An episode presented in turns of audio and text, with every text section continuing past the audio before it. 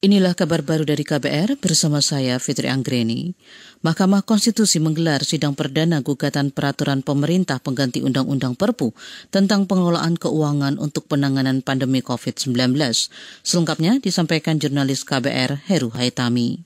Ya, Saudara Mahkamah Konstitusi MK menggelar sidang perdana permohonan uji materi terkait peraturan pemerintah pengganti Undang-Undang Perpu nomor 1 tahun 2020 tentang kebijakan keuangan negara dan stabilitas sistem keuangan untuk penanganan pandemi COVID-19.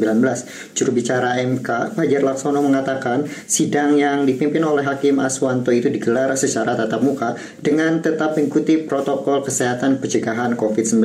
Dalam sidang, Hakim membatasi kuasa hukum yang hadir di dalam persidangan. Saudara, gugatan Perpu Corona ini diajukan oleh pertama mantan Ketua MPR Amin Rais, ex Ketua Umum Pimpinan Pusat Muhammadiyah Sirajuddin alias Dim Samsudin, dan Guru Besar Ekonomi Universitas Indonesia Sri Edi Suasono. Selain itu, permohonan uji materi juga diajukan oleh Perkumpulan Masyarakat Anti Korupsi Indonesia alias MAKI. Saudara permohonan uji materi dilakukan lantaran regulasi dalam Perpu tersebut dianggap bertentangan dengan Undang-Undang Dasar 1945.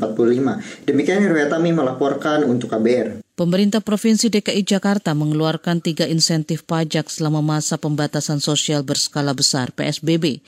Pelaksana tugas Kepala Bapenda DKI Jakarta Edi Sumantri menjelaskan insentif pertama yaitu penghapusan sanksi administrasi pajak daerah yang muncul sebagai akibat dari pelanggaran administrasi perpajakan.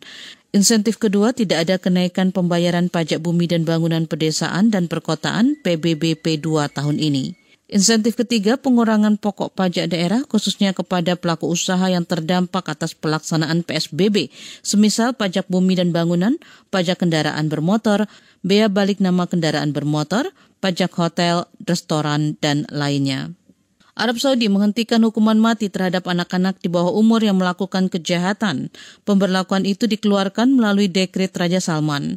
Presiden Komisi HAM Awad Al-Awad mengatakan sebagai gantinya seseorang di bawah umur akan dijatuhi hukuman penjara maksimal 10 tahun di lapas anak.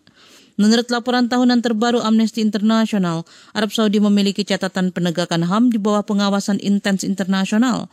Pasca pembunuhan wartawan Arab Saudi Jamal Khashoggi dua tahun lalu di Turki, Kerajaan Arab Saudi sudah mengeksekusi 184 orang sepanjang tahun lalu, satu di antaranya seorang anak di bawah umur. Demikian kabar baru dari KBR, saya Fitri Anggreni, salam.